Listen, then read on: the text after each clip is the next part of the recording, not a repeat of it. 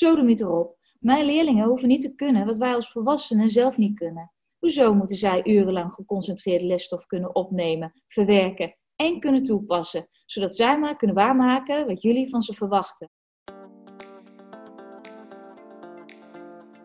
Welkom bij een nieuwe podcast van Inspire to Teach, waar leren inspireert. En voor de mensen die het voor het eerst horen, deze podcast is bedoeld voor bevlogen leerkrachten, hardwerkende hulpverleners, gedreven coaches en andere mooie mensen die bezig zijn met het onderwijs. Met leren, persoonlijke groei, mindsets, mindfulness, mentale veerkracht. En uh, ja, ik ben je host. Mijn naam is Mariska Bos van Inspire to Teach en de Mindfit School. En uh, ja, ik ben dagelijks bezig met persoonlijke ontwikkeling en hoe kunnen wij nou de kwaliteit van ons leven verbeteren, vergroten, zonder dat we onszelf voorbij rennen. En vandaag heb ik in de podcast juf Marjolein. En Marjolein staat voor groep 3-4 op een Montessori school. En man, wat is Marjolein bevlogen. Een leerkracht met visie. Een leerkracht die door het vuur gaat voor haar leerlingen. Een leerkracht die met haar team altijd bezig is van hey, hoe kunnen we het onderwijs verbeteren? Wat hebben deze kinderen nodig? En ze geniet volop van haar leerlingen. En Marjolein heeft een stuk geschreven op Facebook. En dat stuk, dat ging viral. En dat is niet voor niks. Het was ontroerend wat ze schreef. Ze heeft het voorgelezen en ik laat je delen van de tekst horen. En uh, ja, heel eerlijk, ik was zo ontroerd dat ik met natte ogen aan het luisteren was. Dus wil je er meer over weten? Luister goed, ga lekker er even voor zitten of tijdens je wandeling. Wens ik je heel veel plezier met deze podcast. Welke leerkracht vergeet je nooit meer en waarom? Ja, nou, daar heb ik echt lang over na moeten denken. Ik toch echt alleen maar eigenlijk op mijn kleuterjuf. Dat ik er gewoon super lief vond. En ze had een gitaar en lange blonde haren. En ik vond het gewoon heel leuk en lief. En, en ja, en ja, misschien is het een beetje teleurstellend dat ik niet een heel erg pakkend verhaal heb over iemand die me enorm heeft geïnspireerd. maar dat is gewoon niet gebeurd. Ik denk dat ik me bij haar wel heel veilig heb het was wel echt zo'n uh, kokonnetje waar je in kwam. Kinderen vind ik echt super geweldig. En ik denk wel dat ik, uh, doordat ik zelf mijn schooltijd niet echt als. Uh, dat was niet slecht of zo. Ik heb, ik heb geen trauma of zo. Dat was, het was gewoon oké. Het was wat het was. Maar ik dacht wel, dit kan anders. Dus dat, eh, dat heeft mij wel, denk ik, gemotiveerd om uiteindelijk die stap te maken om naar de Pabo te gaan. Maar ik moet ook zeggen, toen ik naar de Pabo ging, ik was uh, goed en wel 16 geloof ik. Dus het was echt nog maar een kuiken. Ik ben Marjolein en ik uh, ben 39 jaar. En ik denk dat dit mijn 20ste jaar is in het onderwijs. Ik ben begonnen, de eerste acht jaar heb ik in Enschede gewerkt. Daar heb ik acht jaar gewerkt. Daar ben ik uiteindelijk weggegaan toen ik mijn vrouw leerde kennen. En ben ik naar Zetten gegaan. Daar heb ik ook twee jaar gewerkt op een reguliere school. Dat was wel echt van het een in het ander. Want uh, in, die, in, die, periode was ik zelf nog wel zoekende. Ik, en ik kwam echt van een gereformeerde school en ik kwam echt in een soort regenboogwalhalla terecht. Bij gewoon heel veel gelijkgestemde trop. Niet alleen maar de hetero-normatieve wereld waaruit ik kwam. En ik, ik merkte dat ik daar vooral heel, ja, dat vond ik echt super fijn. Daar heb ik echt enorm genoten, ook echt leuke contacten op gedaan. Dan kwam er een vacature voorbij op het speciaal onderwijs. Ondertussen gingen wij verhuizen. En dacht ik van nou, ik wil eigenlijk ook wel graag gewoon wat dichter in de buurt werken. Wij kregen kinderen. En ik dacht van ah, oh, misschien is het ook wel weer leuk om terug te gaan naar regulier. Met de verwachting dat het regulier ondertussen in het kader van passend onderwijs niet meer was zoals ik het zeg maar uh, ja, mij herinnerde van de jaren daarvoor. Nou, toen ben ik dus gaan solliciteren en toen kwam ik echt ook weer, echt wel weer gewoon een superleuke school maar echt in een mega klassikaal systeem terecht. En waarin ik echt dacht van, oh nee, ik heb het echt heel zwaar gehad met mezelf en mijn collega's met mij. Want het, ja, echt. Want nee, dat was, oh, dat was het helemaal niet. Ik kon, ik kon daar ehm, totaal niet uit de voeten eigenlijk. Ik voelde me ongelooflijk uh, uh, vastgezet in, in, in, in hoe het zou moeten. En oh, ik vond het echt ik, als ik daar aan terugdenk, dan denk ik ook echt, ik had een lokaal, dat deed me echt denken aan een aquarium. En zo voelde ik me ook, alsof ik in een aquarium zat, zeg maar, waar ik niet uitkwam. Ik kan me voorstellen dat je daarin, in, je zei het eigenlijk al, hè? het is een systeem waar je in zit. En dat is eigenlijk niet, in mijn ogen niet onderwijs. Onderwijs, dan gaat het over de mens en wat we kunnen leren. En niet zozeer wat we alleen maar kunnen lesgeven. En ja, en, en dan zit je in zo'n systeem, zit je wel een beetje vast, hè? Ja, dat was echt niet, dat was het echt niet. Maar goed, ik, ik was daar dus. En toen dacht ik, ja, wat nu? Maar het lag echt niet aan de school, hè? Het, was op, het lag aan mij. Ik, ik paste daar niet. Nou, en toen kwam er een vacature voor een Montessori school. En toen dacht ik, wow, dit kon het wel eens zijn. Dit kon wel eens zijn eh, waar ik naar op zoek ben. En, en waarom ik dat dacht, dat, dat weet ik eigenlijk niet zozeer. Het was meer, want ik had ook helemaal niet zoveel uh, kennis van Montessori. Ik, ik had er een beetje een geitenvolle sokken idee bij. Ik had een rondleiding. En ik dacht, ja, dit is het gewoon. Dit, ik moet hier werken. Ik zag een lokaal waar ik voorbij liep. Ik dacht, dit moet mijn lokaal worden. Ik, ik moet, hier moet ik zijn. Ja, en uh, nou dat is gelukkig ook zo uitgekomen. Ik, mocht daar, uh, ik, ben, ik ben daar aangenomen. En toen viel echt voor mij alles op zijn plek. Ik dacht, oh, echt Marjolein, je bent niet de enige die dingen zo bedenkt. Je bent niet de enige die dit vindt, hoe het zou moeten zijn. Er was gewoon iemand zo'n beetje honderd jaar geleden die het zelf al dacht. Dus zo bijzonder ben je niet. Alles wat we doen draait om het kind in deze wereld. Het kind is, dat, en dat maakt gewoon, denk ik, dat is leren. Leren is niet uh, uh, je lesjes leren uit een boek. Nee, het enige waarom je iets leert is om tools te hebben, deze wereld te kunnen begrijpen. En vat te kunnen krijgen op wie je bent en wie je wil zijn en hoe jij kunt groeien als mens. En dat is alles waar Montessori om draait. We zitten met de hele corona gebeuren. We hebben twee lockdowns tot nu toe achter de rug. En de kinderen hebben, zoals ze dat van de experts allemaal horen, wij maken ons grote zorgen over de ontwikkeling van de kinderen. De kinderen hebben een enorme achterstand. En er wordt zelfs bij een persconferentie de kinderen worden toegesproken dat ze misschien nog wel een jaar moeten blijven zitten. En dat dat helemaal niet erg is. Maar in de media wordt er wel heel veel gesproken over depressie, over de problemen, over de angsten, over de zorgen, over de achterstanden en dat soort dingen. Maar goed, jij bent een vrouw van in het veld en jij ziet kinderen. En maak jij je ook zulke grote zorgen? Nee. Ja, ik maak me wel zorgen over de kinderen, maar ik maak me geen zorgen over achterstanden. Ik maak me zeker zorgen over de kinderen, dat wel. Die zorg zit er vooral in dat ik denk dat we uh, mogelijk onderschatten wat dit doet met de kinderen. En misschien wel op een langere termijn. Dat ik nu het gevoel heb van het onderwijs, het is net als een soort van aan- en uitknop. Oké, uh, drie dagen voor, voor de kerstvakantie. Oeh, ja, we vinden toch dat de ouders uh, te weinig thuiswerken. Onderwijs uit. Hoppakee, kinderen moeten schakelen. En uh, oh nee, onderwijs gaat toch aan. Nee, maar oh nee, uh, nee, nee, nee, nee, wacht even, er is nu een positieve besmetting. Allemaal in quarantaine, onderwijs uit. En uh, uiteindelijk aan, uit, aan, uit. En je, je op die momenten van uit, dan heb je natuurlijk wel thuisonderwijs. Maar we vragen we heel veel van hun incasseringsvermogen. En daar, zit, en daar zit echt wel dat ik denk van, oké, dat zal per school verschillend zijn. Want misschien dat sommige scholen heel weinig te maken hebben met bijvoorbeeld uitval door positieve besmettingen.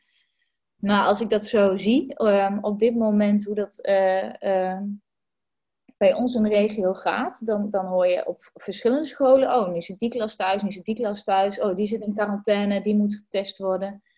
En ja, daar maak ik me wel zorgen over. Maar ik maak me totaal geen zorgen over leerachterstanden. Kun je samenvatten wat je in het Facebook-bericht hebt geschreven, waardoor je zoveel mensen hebt geraakt? Waar lag dat aan, denk je? Wat zijn de woorden die dan zo binnenkomen bij mensen? Ik denk dat het niet een lieflijk stuk was. Ik denk dat mensen uh, gewend zijn, vooral als leerkracht iets schrijven, dat je uh, sociaal gewenst schrijft eigenlijk. En dit kwam echt vanuit mijn tenen. Dus waarvan ik echt heb gedacht van ja, ik, ik geniet zo enorm van deze kinderen. Ik hou zo enorm veel van mijn vak. Het is echt het liefste wat ik doe. Ik vind het echt zo geweldig fijn om leerkracht te zijn. En om met deze kinderen te werken. En vervolgens, ik word haast bij mijn keel gegrepen. Van, oh, je moet wel toetsen zus afnemen. Je moet wel scoren zo halen. En, oh, oh, oh, die kinderen, die kinderen. Ja, als ze maar hun, hun, uh, hun CITO's goed doen. Want oh, dadelijk lopen ze achter. Ja, zo doe niet erop Ja, en dat staat erin, sodomiet erop. En ik denk dat daar mensen van denken van, oh, wacht eens eventjes. Dat, voel, dat, dat voel ik eigenlijk ook zo, alleen ehm, ik zeg het niet. Oké, ik lees hem voor. Uh, het is misschien wel goed om te weten, ik heb hem geschreven uh, een week na de voorjaarsvakantie. In de, week, in, in de periode voor de voorjaarsvakantie hadden wij nog één weekje school en toen lag er natuurlijk mega veel sneeuw. Dus eigenlijk na de voorjaarsvakantie had ik eigenlijk mijn klas weer zo'n beetje compleet in, de, uh, in het lokaal. Nou, aan het einde van die week heb ik dit geschreven. Na een week met weer bijna al mijn leerlingen in de groep moet mij iets van me had. Mijn leerlingen zijn namelijk superleuk. Het zijn er 30, allemaal tussen de 6 en 8 jaar. Mijn geluk is dat ik twee jaar van ze mag genieten en zo af en toe krijgen ze zelfs een bonusjaar en mag ik ze een jaartje extra. Werkelijk, iedere ochtend komen ze vrolijk binnen. Stralende ogen en bergen energie. Onuitputtelijk. In groep 3 staan ze in de startblokken om alles te willen leren. En in de jaren die dan volgen slurpen ze als sponsor alle informatie op. Ik geniet echt dagelijks van onze bubbel, onze eigen mini-wereld waarin we onze eigen routines en gewoontes hebben. Waarin we leren, spelen en ontdekken. Waarin de meest openhartige gesprekken worden gevoerd en emoties worden gedeeld. Ik kan niet onder woorden brengen hoezeer ik dat heb gemist tijdens de tweede lockdown. Niets, helemaal niets kan dit vervangen. Hoezeer ik ook mijn best heb gedaan om het thuisonderwijs vorm te geven. Om het contact te onderhouden en om het vooral leuk te houden voor de kinderen. Niets kan onze bubbel van geluk en plezier evenaren. De huidige regels versterken die bubbel enorm. We zijn echt met ons eigen clubje. We spelen alleen met onze groep buiten, doen niets met groepsdoorbroken en dat maakt het gevoel van samen zijn alleen maar groter. Wat heb ik van ze genoten deze dagen? Het lachen, praten, spelen, samen leren. Het was een waterval van geluk. Wederom was ik verbaasd over de sprongen en de ontwikkelingen die zij door hebben gemaakt in de laatste lockdown. Ook die zijn niet onder woorden te brengen, lastig te vatten in een tekst die de essentie raakt en zeker niet te meten. Mijn onwijs stoere, sterke, flexibele, gevoelige, lieve, leuke, enthousiaste, energieke, creatieve, vrolijke, niet kapot te krijgen kanjes. En wat erger ik mij nu mateloos aan alle ideeën die landelijk worden geopperd om mijn leerlingen te herstellen met een herstelplan. Experts buiten de school, onderwijscoaches, OMT voor onderwijs en allerlei andere slimme volwassenen buiten de school die plannen en adviezen zullen schrijven en uitbrengen om mijn kids bij te werken en bij te spijkeren. En daar meteen een mooi verdienmodel in zien. Ik lees voorstellen over bijwerkprogramma's met extra tijd voor rekenen, lezen en spelling, bijlessen, extralessen, interventieprogramma's, onderschooltijd of in de vrije tijd van het kind want het zou toch super jammer zijn om 180.000 euro over de balk te gooien. Het zou toch werkelijk zonde zijn als die 180.000 euro niet gebruikt zou worden om daadwerkelijk iets te leren. Zo de niet erop. Mijn kinderen zijn geen robots. Ze hebben geen harde schijf die wanneer hij vol is kan worden uitgebreid met een extern geheugen. Zo de niet erop. Mijn leerlingen hoeven niet een tijd voor gym, muziek, tekenen, handvaardigheid, buitenspelen in te leveren voor alleen maar rekenen, lezen en spelling. Sodemiet erop. Mijn leerlingen hoeven niet te kunnen wat wij als volwassenen zelf niet kunnen. Hoezo moeten zij urenlang geconcentreerd lesstof kunnen opnemen, verwerken en kunnen toepassen, zodat zij maar kunnen waarmaken wat jullie van ze verwachten? Sodemiet erop. Stel je verwachtingen maar bij. Accepteer dat het tijd is voor verandering. Stel je zicht en focus bij. Kijk in plaats van naar scores, normen, toetsen, nu toch eens eindelijk naar het kind. Vraag hun eens wat zij graag zouden willen. Hoe zij de 180.000 euro zouden willen besteden.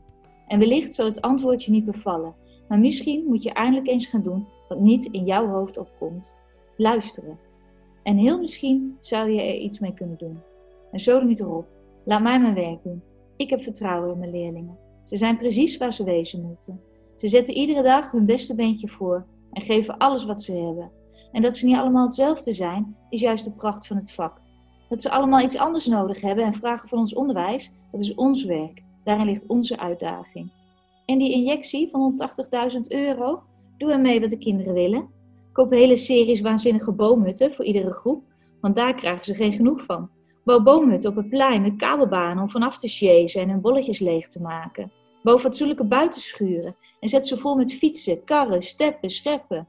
Koop spellen, eindeloos veel, om samen te spelen. Zet de kassen neer, leg moestuinen aan en in plaats van hun rekentijd uit te breiden, luister naar ze, bereid hun speeltijd uit. Reken maar dat dat zijn vruchten af gaat werpen. Want op die schooltjes, Rutte tijdens een persconferentie, ik dacht, even dat ik het verkeerd had gehoord. Zitten de meest geweldige kids die je niet bang hoeft te maken met zitten blijven. Slop, flikker toch op. Want zij zijn de beste. Ze zijn honderd keer beter dan wij als volwassenen met elkaar. En als een kind een bonusjaar krijgt, om welke reden dan ook, waag het dan niet om dat te zien als falen. Blijf met je eisen, je verwachtingen, je uitspraken, je waarschuwingen bij mijn leerlingen vandaan. En dadelijk, als ze in groep 8 zitten, wagen niet om ze vol te stoppen met stress voor een toets en een eindadvies. Stop met het zoeken naar mogelijkheden om het onderwijs zo passend mogelijk te maken binnen het systeem. Maak het systeem aanpassend. Zij zijn de beste. Zij verbazen mij dag in dag uit. En houd je maar vast. Zij zullen jou ook gaan verbazen, als je maar het lef hebt om ervoor open te staan.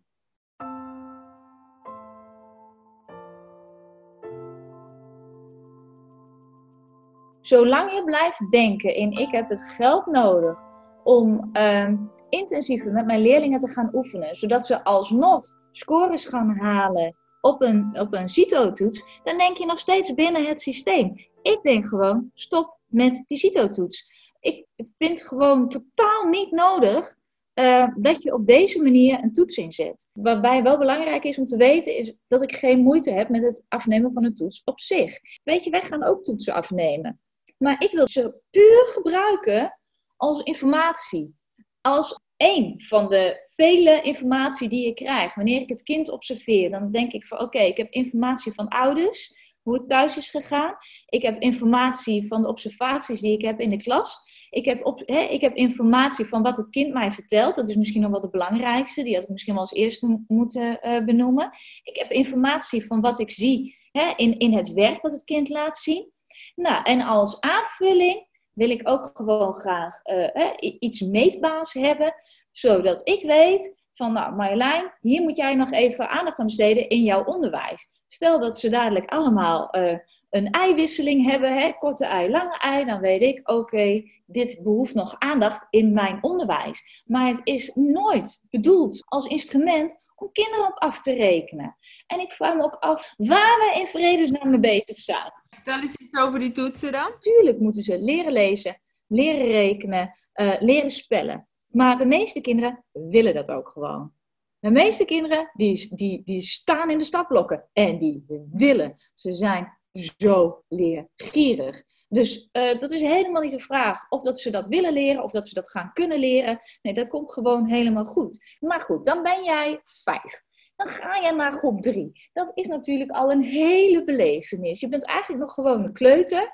Je zit nog heerlijk in jouw uh, enorme spelfase. Het liefste ben je buiten. En je wil heel veel leren. Maar wat je niet zo graag wil, is gewoon hele dagen op je stoeltje zitten. Nou, dat hoeft ook niet, denk ik tegenwoordig al helemaal niet meer. Moet je je voorstellen dat je vijf jaar bent en je wordt in de loop van het jaar zes. Dan zit je vanaf augustus tot februari in groep 3. Dan heb je al leren lezen, leren schrijven, leren uh, rekenen, je leert woordjes schrijven en dan komt er een spellingtoets. En die spellingtoets heeft 40 woorden. Moeten ze 40 woorden opschrijven. En dat kunnen ze best hoor. Ja, natuurlijk kunnen ze dat best. Normaal doe je een vijf woorden dicteetje elke dag. Maar nee, ze moeten zitten en ze moeten 40 woorden schrijven. Dan staat er ook nog in, lees de, het woord één keer voor. Je mag niet herhalen. Nou, ik, dan denk ik, kun je überhaupt een, een zesjarige? Maar goed, ik lees het woord één keer voor. Zij zeggen het woord wat op en ze moeten het opschrijven.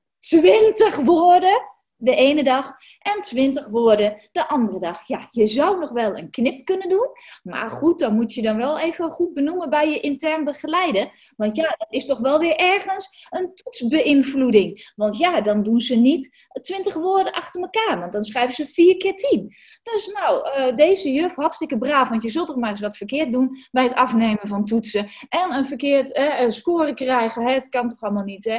Dus met het puntje van hun tong uit hun mond schrijven ze twintig woorden. Netjes op de lijn. Zo trots. Kijk eens, je, wat een mooie letter, hè? Mag ik er een bloempje omheen tekenen? Ja, dat mag met schrijven altijd. Ja, kind, teken jij er maar een bloempje omheen, maar niet te erg, want ik kan niet meer zien wat er staat. En stel je nog toch eens voor dat ik niet kan lezen wat er staat, dan moet ik het fout rekenen. Maar ondertussen ben ik al aan het tellen als ik op die blaadjes kijk van, oh mijn god, welke kant gaat dit op? Nou, dan schrijven ze hun woordjes. De ene dag 20, de andere dag 20. 40 woorden. Och man, ze zijn dan helemaal extatisch. Want ze zijn dan helemaal, oh wat hebben ze nu toch weer gepresteerd. En misschien zijn er wel leerkrachten die luisteren en die zeggen, ja Marjolein, dat doe je het fout. Want je zult dan elke dag wel twintig woorden moeten schrijven. En dan moeten ze aan wennen. Nou, dat moeten ze dus voor mij niet, want ik vind het echt gewoon de grootste onzin. En dan hou ik een heel naar scheldwoord binnen op dit moment. Maar goed, ik kijk het dan na, hebben ze 40 woorden geschreven. Nou, en daar gaat het, hè. Eén fout, twee fout, oké. Je hebt nog een uh, één score, je hebt nog een goed. Drie fout, vier fout. Oh, nou oké, een twee. Vijf, zes. Nou, oké, we zitten nog rond een drie. Maar dan komt het. Hebben ze 32 woorden geschreven. 32 woorden goed geschreven. Hebben ze een onvoldoende. Ja, schiet mij maar lekker hoor. Je hebt het over zesjarige hummels. Dan geef je dat terug. Dan zeg je het van, ja, nou, sorry, maar ik, ik, ik, ik, ik ben het hier gewoon niet mee eens. En dan, en dan is het antwoord ja. Maar goed, dan moet je het maar eens onderzoeken. Want het is wel een landelijke norm. Andere kinderen kunnen dit denk ik, andere kinderen kunnen dit. Nou, dat vind ik echt heel knap dat andere kinderen dit kunnen. Maar waarom moeten ze het kunnen? Waarom moet je een kind leren dat ze 32 woorden van de 40 goed moeten schrijven? Nou, meer dus eigenlijk, want 32 is nog fout.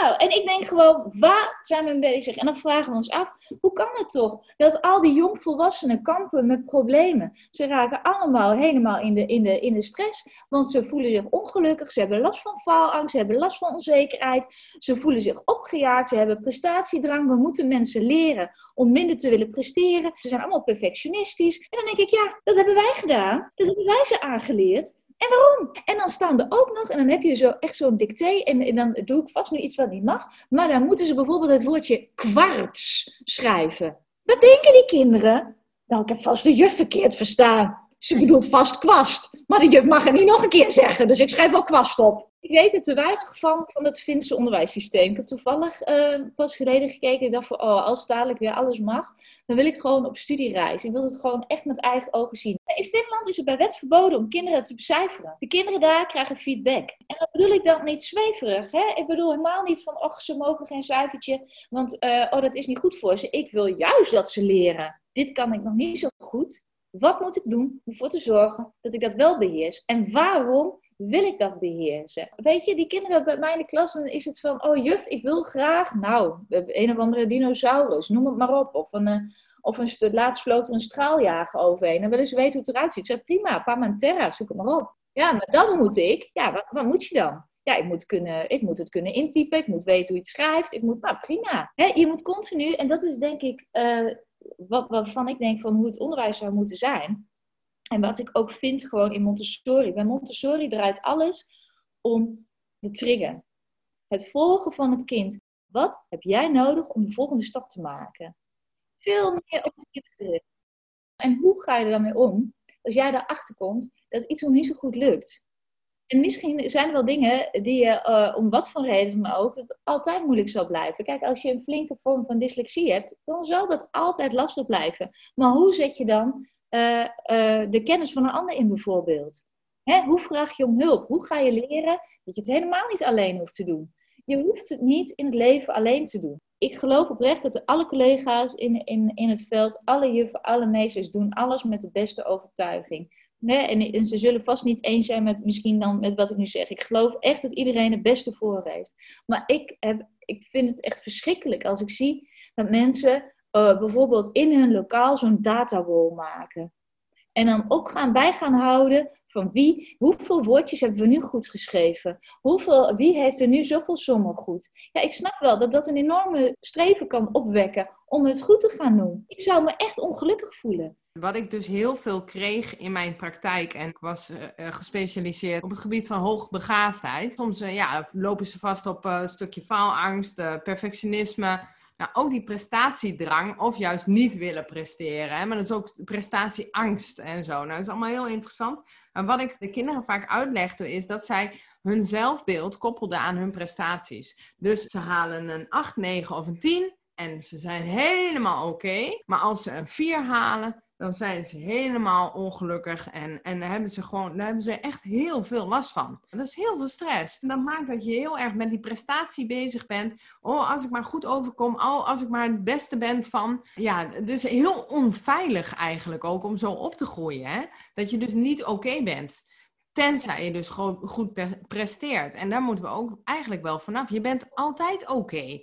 Ook al gaat het even niet goed met je. Ook al heb je allerlei fouten gemaakt. Ook al maak je er een potje van. Jij bent oké. Je hebt er gewoon een potje van gemaakt. En dan kun je gaan onderzoeken. Hey, wat heb ik nou nodig om dit te verbeteren of zo. En soms hoef je ook helemaal niet alles te verbeteren. Of alles op het hoge niveau te hebben. Dat vind ik ook zo mooi aan. En volgens mij het verhaal wat je ook wel zegt. Is kunnen we ook kijken naar kwaliteiten van de kinderen. En die meer gaan ontwikkelen. In plaats van, oh, jij bent slecht in rekenen, hè? Want dat, dat is, zit je interesse gewoon niet zo. Dus je talent niet. Want dat vind ik ook een beetje. Wanneer heb je nou talent? Volgens mij heeft het ook wat te maken met hoe interessant je iets vindt. Ga je meer oefenen, dan word je er beter in. Ah, hoppa, talent. Als jij dus niet zoveel talent hebt voor rekenen, uh, maar je staat daar, ik noem maar even een, een 4 voor, en voor CITO. Ja, dan moet je dat helemaal bijspijkeren. Terwijl dat misschien wel iets is, ja, dat heb je zeker nodig op een of ander level. Maar ja, hoe zou het zijn als die kinderen toch de mogelijkheid krijgen om meer hun talenten te ontwikkelen? Want dan gaan ze echt doen waar, waar, ze, waar ze voor bedoeld zijn, als het ware. Ja, en ik denk inderdaad, weet je, een toets bepaalt niet wat kennis is. Het is niet zo, als ik die toets maar gemaakt heb, dan zit het goed. Nee, dat, dat, is, dat, dat is gewoon niet zo. Tenminste, dat, zo zie ik dat gewoon niet. En ik wil gewoon veel liever werken, gewoon vanuit leerlijnen. En te kijken van, oké, waar staat het kind op zijn leerlijn? En daar adaptief onderwijs op geven. En als je op die manier lesgeeft, dan hoef je ze ook niet langs een, langs een lat te leggen van, oh, uh, ja, uh, nou, jij bent nu, een, nu is het onvoldoende. Nu heb je een achterstand. Nu is het niet goed. Maar kinderen die ontwikkelen zich zoals ze zich ontwikkelen. Het, het hoeft ook niet allemaal nu. Het hoeft ook niet. Weet je, als je een kind hebt wat, wat, wat in een thuissituatie zit, wat gewoon niet lekker zit, denk je dat daar nog ruimte is voor leren? Nee, dat kind dat heeft eerst iets heel anders nodig om zijn kopje leeg te maken of haar kopje leeg te maken. Dan betekent dat niet dat het een achterstand heeft. Nee, het heeft gewoon nu de tijd nodig om andere dingen te verwerken. En dan zul je zien dat op het moment dat dat zijn plek heeft gevonden, of als het beter gaat, dan komt zo'n kind wel tot, uh, tot leren. En ik denk ook, ik kijk dus gewoon totaal anders tegen leren aan.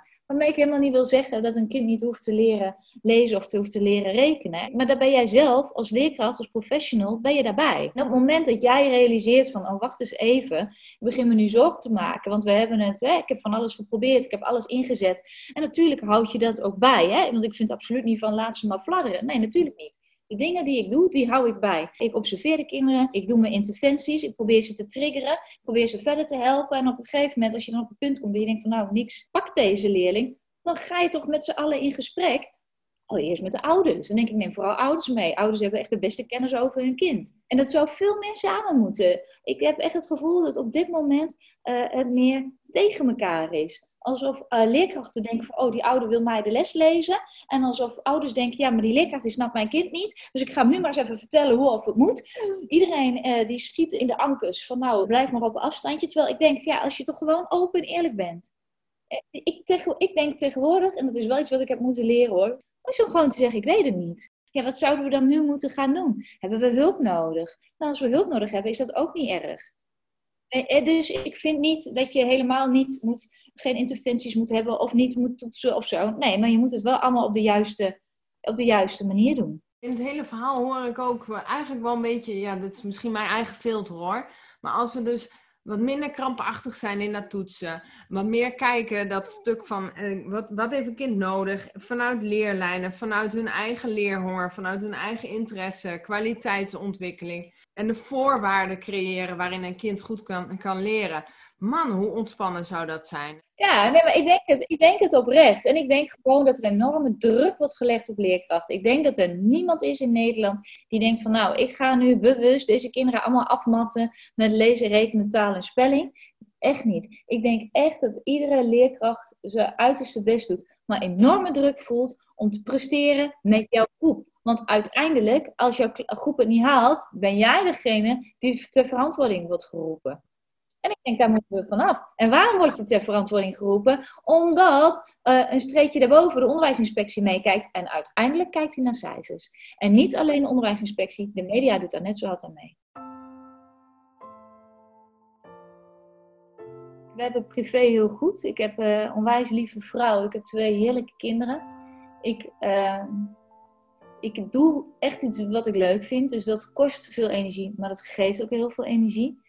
Ik probeer wel gewoon te zeggen, de weekenden zijn voor mij. Ik werk vier dagen. Nou, die andere dag, dat, dat gebruik ik dan als een soort van uitloopdag. Weet je, ik kan nog wat voor school doen. Ik kan wat voor thuis doen. Maar als de kinderen er zijn, dan ben ik er voor de kinderen.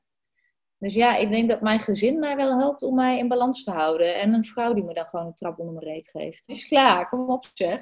Ja, dat. Dus, dus dat, dat helpt mij, zeker. Normaal gesproken sport ik. En dat, dat helpt ook. Toen ook de school niet meer open was, toen, kon ik, dacht ik echt, oh, jeetje, ik word oud, mijn gewrichten gaan pijn doen, mijn lijf slaat op slot. Want normaal gesproken loop je natuurlijk heel veel. Dus toen de school weer open ging, toen ben ik ook gewoon naar mijn werk gaan lopen in plaats van fietsen. Ik dacht van, oké, ik moet echt even wat meer beweging gaan pakken. Nou, is dat niet, het is 20 minuutjes lopen, dus het scheelt, dus het ver of zo. Maar ik denk, ja, dat, dan slaat je lijf wel op slot. Hebben een hond en ik heb echt een smartwatch in die periode. Want ik zat zoveel achter de... zit nog steeds heel veel achter de computer. En ik weet gewoon, ik ben echt, ik ben echt een klein kind. Uh, ik word gewoon blij als mijn, mijn horloge dit doet. En uh, jij moet gaan lopen. Oh ja, ik ga even lopen. En dan ga ik, ik heb een, touw, een springtouw in, in de kamer. En gewichtjes die liggen hier dan op de grond. Dus als ik over de drempel ga, even een paar keer gewichtjes. Want anders blijft er niks van die armpjes van mij over. En, en zo stimuleer ik mezelf. Maar die, dat, dat horloge, ik wist niet dat het zo kinderachtig was voor mij. Maar ja, het aantal stappen en dan heb ik hem op 7500, want dat is haalbaar. En dan, dan krijg ik een ster en een smiley. ik snap het wel hoor, ik ben ook heel gevoelig voor stuksystemen. Een belangrijke vraag, want er zijn heel veel mensen die luisteren en die lezen graag of die luisteren audioboeken. Maar welk boek zou iedereen volgens jou gelezen moeten hebben? Ik heb altijd van die uh, bevliegingen. Weet je wel, dan, dan, dan lees ik in één keer allemaal uh, van, die, van die Scandinavische thrillers. Dan lees ik in één keer allemaal van die advocatenseries. Dan, uh, dan denk ik ineens van, oh, wacht eens even. Het was vorige, net die demonstraties van Black Lives Matter heel erg. Ik dacht van, hoe zit dat dan? Met, met de, de, de kolonialisatie. Ik, ja, moet ik je echt heel eerlijk bekennen dat ik, dat, nou, dat ik echt dacht van oké, ik moet daar meer over gaan lezen, want schijnbaar weet ik echt te weinig. Nou, dan ga ik daar dingen over lezen. En uh, zo merk ik dat ik heel erg lees in vlagen. Ik ben zelf van audioboeken, zodat ik, uh, ik vind huishouden echt helemaal niks aan. En dan doe ik audioboeken, st Storytel doe ik dan aan en dan uh, ga ik echt in één keer ramen lappen, weet je wel. Iets dat doe ik eigenlijk nooit. Dan denk je, huis schoon. Het boek, uh, spannend boek. Of uh, dan moet de was opgehangen worden. Dan zeg ik, uh, ik ga even was ophangen. En zeg maar, nee, hoe doe ik wel? Nee, nee, nee, laat maar. Ik zeg, oh, jij wil een boek luisteren? Ja, ja, ja. Oh ja, oh, dat is wel een goede tip ook. Ja, dat doe ik eigenlijk nooit. Ja, of een podcast luisteren natuurlijk. En, en heb jij nog een favoriete kinderboek? Of welk kinderboek doet het bij jou in de klas eigenlijk heel erg goed? Op momenten Piraten van hiernaast. Die is echt helemaal geweldig. Dolfje doet het altijd goed. Pluk van de pettenflat, Otje. Ja, ik probeer wel eh, ook gewoon divers wat dat betreft te lezen. Roald Dahl lees ik ook voor. Als je iedere keer hetzelfde type voorleest, ja, ik, ik geloof dat het wel goed is om verschillende dingen voor te lezen. Ik vind het ook leuk om prentenboeken voor te lezen. Ik vind dat ze tegenwoordig van die hele mooie boeken hebben, gewoon met zulke schitterende tekeningen ben ook wel een beetje zoekende naar, op het moment naar boeken met wat meer diversiteit. Dat vind ik toch missen. Ook onze eigen kinderen groeien natuurlijk op met twee moeders. En dat vinden ze hartstikke normaal. Dat vinden ze volgens mij hartstikke leuk. Maar weet je, dat, dat zie je natuurlijk helemaal niet uh, terug. Of in ieder geval heel weinig terug in boeken. Ik heb ook niet het idee dat ze daar hun dan nou zoveel belang bij hebben hoor. Maar goed, het zijn wel dingen van ik denk van, oh weet je, het is wel goed om dat soort dingen ook um, in huis te hebben. Maar ik denk ook in een schoolbibliotheek. En nou noem ik dit, omdat dit natuurlijk ons dingetje is. Maar dat geldt natuurlijk voor alles.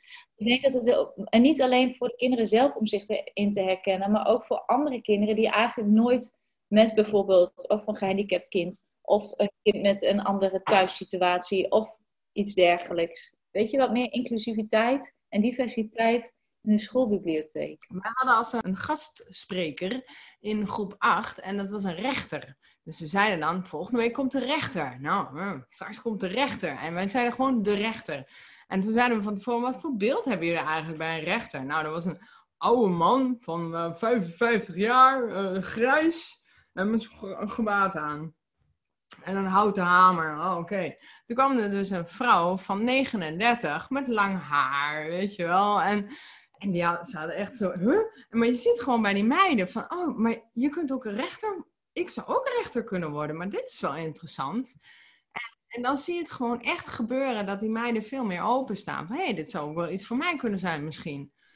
Ja, ik denk dat we dat voorkomen onderschatten in wat voor uh, denkbeelden die kinderen eigenlijk nog zitten. En wij zelf ook, ja, absoluut. Dus daarom denk ik ook, het is gewoon goed om de wereld naar binnen te halen. En ik denk dat dat veel interessanter is dan, uh, nou ja, waar, waar, waar, dus eigenlijk dat stukje ook over gaat, over eindeloos rekenen, lezen en spelling. Ik zie de school echt als een oefenwereld. Ik zie het echt, ik ben dus ook bijvoorbeeld, uh, heb ik echt moeite mee dat kinderen niet mogen stoeien. Of niet mogen zwaaien met stokken. Want ja, stel je toch eens voor, dan, raken ze elkaar. Dan denk ik, ja, maar hoe moeten ze dan in vredesnaam die puppies? Ik vind het echt vaak, die jongens het zijn haast net van die puppies. En dat zijn niet alleen jongens trouwens, hè, nu doe ik het zelf ook. Hè, daar zitten ook gewoon wel meiden bij. Maar het zijn echt van die puppies. En die moeten gewoon echt voelen, wie is hier de alfa? Ja, dat doen ze niet door, door verstoppertje te spelen. En dat bedoel, ik niet dat ze hoeven te vechten, maar die hebben dat fysieke contact nodig. Ze willen graag pakjes spelen en stoeien en, en geluid maken en herrie en rennen en zwaaien met stokken. En dan denk ik, ja, weet je, als je daar toch bij staat en je ziet het gebeuren, dan, en het gaat dan een keertje tussen aanhalingstekens mis, want de vraag is ook maar, wat is mis? Want ik denk van ja, krijg je een keer een map, nou wat, hoe kunnen we dit oplossen? Hoe gaan we dit de volgende keer voorkomen? het vallen heeft echt wel een functie. Je leert gewoon incasseren. En uh, ja, ik ben, ben een keer in een, uh, ja, daar was niet zo heel blij mee, maar kleuterjuf geweest. Maar goed, ja, moest, iemand moest voor die kleuter staan. Dus uh, ik heb maar ja gezegd. En ik was dan de stoeijuf. Er waren ook kinderen van een andere klas die mij niet kenden. Maar ik heette dan de stoeijuf. Want ik wist gewoon, als ik die kinderen even de mogelijkheid gaf om uh, even lekker uh, flink elkaar in elkaar te slaan, bij wijze van spreken, dan had ik daarna minder problemen. Dus dan open bij een zandbak. En dan ging ik een grote cirkel maken en dan een rij. En dan één tegen één. En die houden elkaar vast bij de schouders en kijken ze elkaar woest in de ogen. Want dat was dan ook een beetje drama. En drie, twee, één. En dan duwen en trekken. En dan elkaar uit die, cirkel. Nou, er waren heel veel jongens en een paar meisjes. En dat was tien minuten. Die, die rij dunde vanzelf uit. Dan hadden ze het een paar keer gedaan en was het wel klaar. En sommigen konden er gewoon niet mee stoppen. Maar die gingen er gewoon lekker in door. En dan binnen, binnen regels dat het gewoon veilig is. En ze vallen en ze lachen en ze... Hè, maar ze konden hun energie kwijt. En dan waren we hartstikke rustig. We hadden niks meer te doen met die kids. Maar deden we dat soort dingen niet, ja, dan moet je de hele tijd uh, brandjes blussen. En die, hè, met die doet dit en die loopt aan die te trekken. En dan heb je weer huilers. ja, je kent het wel. Ja, ik denk ook gewoon van het is een leerschool. Weet je, het hele, hier kun je het leren. Hier in deze veilige setting kun je het leren. En en daar horen dingen bij als uh, vallen en opstaan, maar ook ruzie maken. En er is niks mis met ruzie maken. Ik heb echt het gevoel dat wij proberen van onze kinderen een soort van perfecte mini-volwassenen te maken. We verwachten dat ze continu luisteren, dat ze continu doen wat hun gezegd wordt, dat ze niet schreeuwen, niet rennen, niet stoeien, uh, vooral uh, niet vechten, niet schelden, stil zijn. En dan moeten we dat wel even allemaal positief bewoorden. Dus we zeggen niet, je mag niet rennen. Nee, wij lopen rustig. Is er nog iets wat jij heel graag de luisteraar mee wil geven? Ik zou heel graag gewoon tegen leerkracht willen zeggen van je doet het goed. En heb gewoon vertrouwen. Heb vertrouwen in jezelf. Heb vertrouwen in hetgene waarvan jij denkt dat het goed is. En misschien zijn het wel hele andere dingen dat, dat ik vind dat het goed is. Daar mag je ook gewoon op vertrouwen. Het hoeft niet te zijn zoals ik het zeg. Want dat hoeft helemaal niet zo te zijn. Maar ik zou heel graag, echt zo graag, mensen willen laten weten dat ze het goed doen. En dat ze, uh, als ze hun best erin steken, ze houden van die kinderen, dat het goed is. En dat ik uh, het iedereen zo ontzettend gun om die druk niet te voelen. En om zich gewoon ontzettend blij te voelen in het vak. En te, weet je, gewoon uh, te kunnen genieten van die kinderen. Want uiteindelijk denk ik echt dat de meeste mensen, ja, dat dat de drijfveer is voor de meeste mensen om in het onderwijs te zijn gegaan. En ik hoop dat, weet je, ik hoor zoveel mensen die zeggen van, ik weet het niet meer, ik stop er maar mee. Uh, het is me te veel, ik doe het niet goed. Mensen gaan zo in zichzelf twijfelen. En ik zou zo graag. Ik heb dat ook tijdens die stakingen zo gevoeld. Ik dacht van ja, ja, ja, wat lastig, lastig hoor. Ik, ik had er echt wel een beetje mee zelf een beetje lastig. Uh, ik zou veel liever die verbinding voelen in kom op jongens, we gaan samen ergens voor staan om het onderwijs beter te maken. En we gaan ergens voor staan dat wij ergens in geloven. Namelijk wij geloven in onszelf en wij geloven in die kinderen. En wij geloven dat wij het samen kunnen gaan uh, fixen. En daarvoor hebben we geen onderwijsinspectie nodig. Daarvoor hebben we geen uh, toetsen nodig. Uh, die er gewoon van een bedrijf, wat daar gewoon grandioos aan loopt te verdienen op allerlei mogelijke manieren. Nee, we hebben, we hebben zelf, wij hebben zelf, wij weten het. Laat je niet gek maken. Dat. Marjolein, bedankt. Wat had ik jou graag gehad als leerkracht? Die bevlogenheid, jouw visie en je liefde voor het vak voor de leerlingen. Heerlijk om naar te luisteren. En ik hoop ook dat jij, luisteraar, hebt genoten van dit gesprek. En misschien wat meer vertrouwen hebt gekregen in je eigen vak, in je leerlingen, in het leven. Het lijkt me leuk als je me gaat volgen op Instagram. Zoek me dan op Juf Mariska. Of kijk gewoon eens op de site inspiretoteach.nl of de Mindfit School, wat daar allemaal te beleven valt. En dan hoop ik dat je snel weer luistert naar een nieuwe podcast.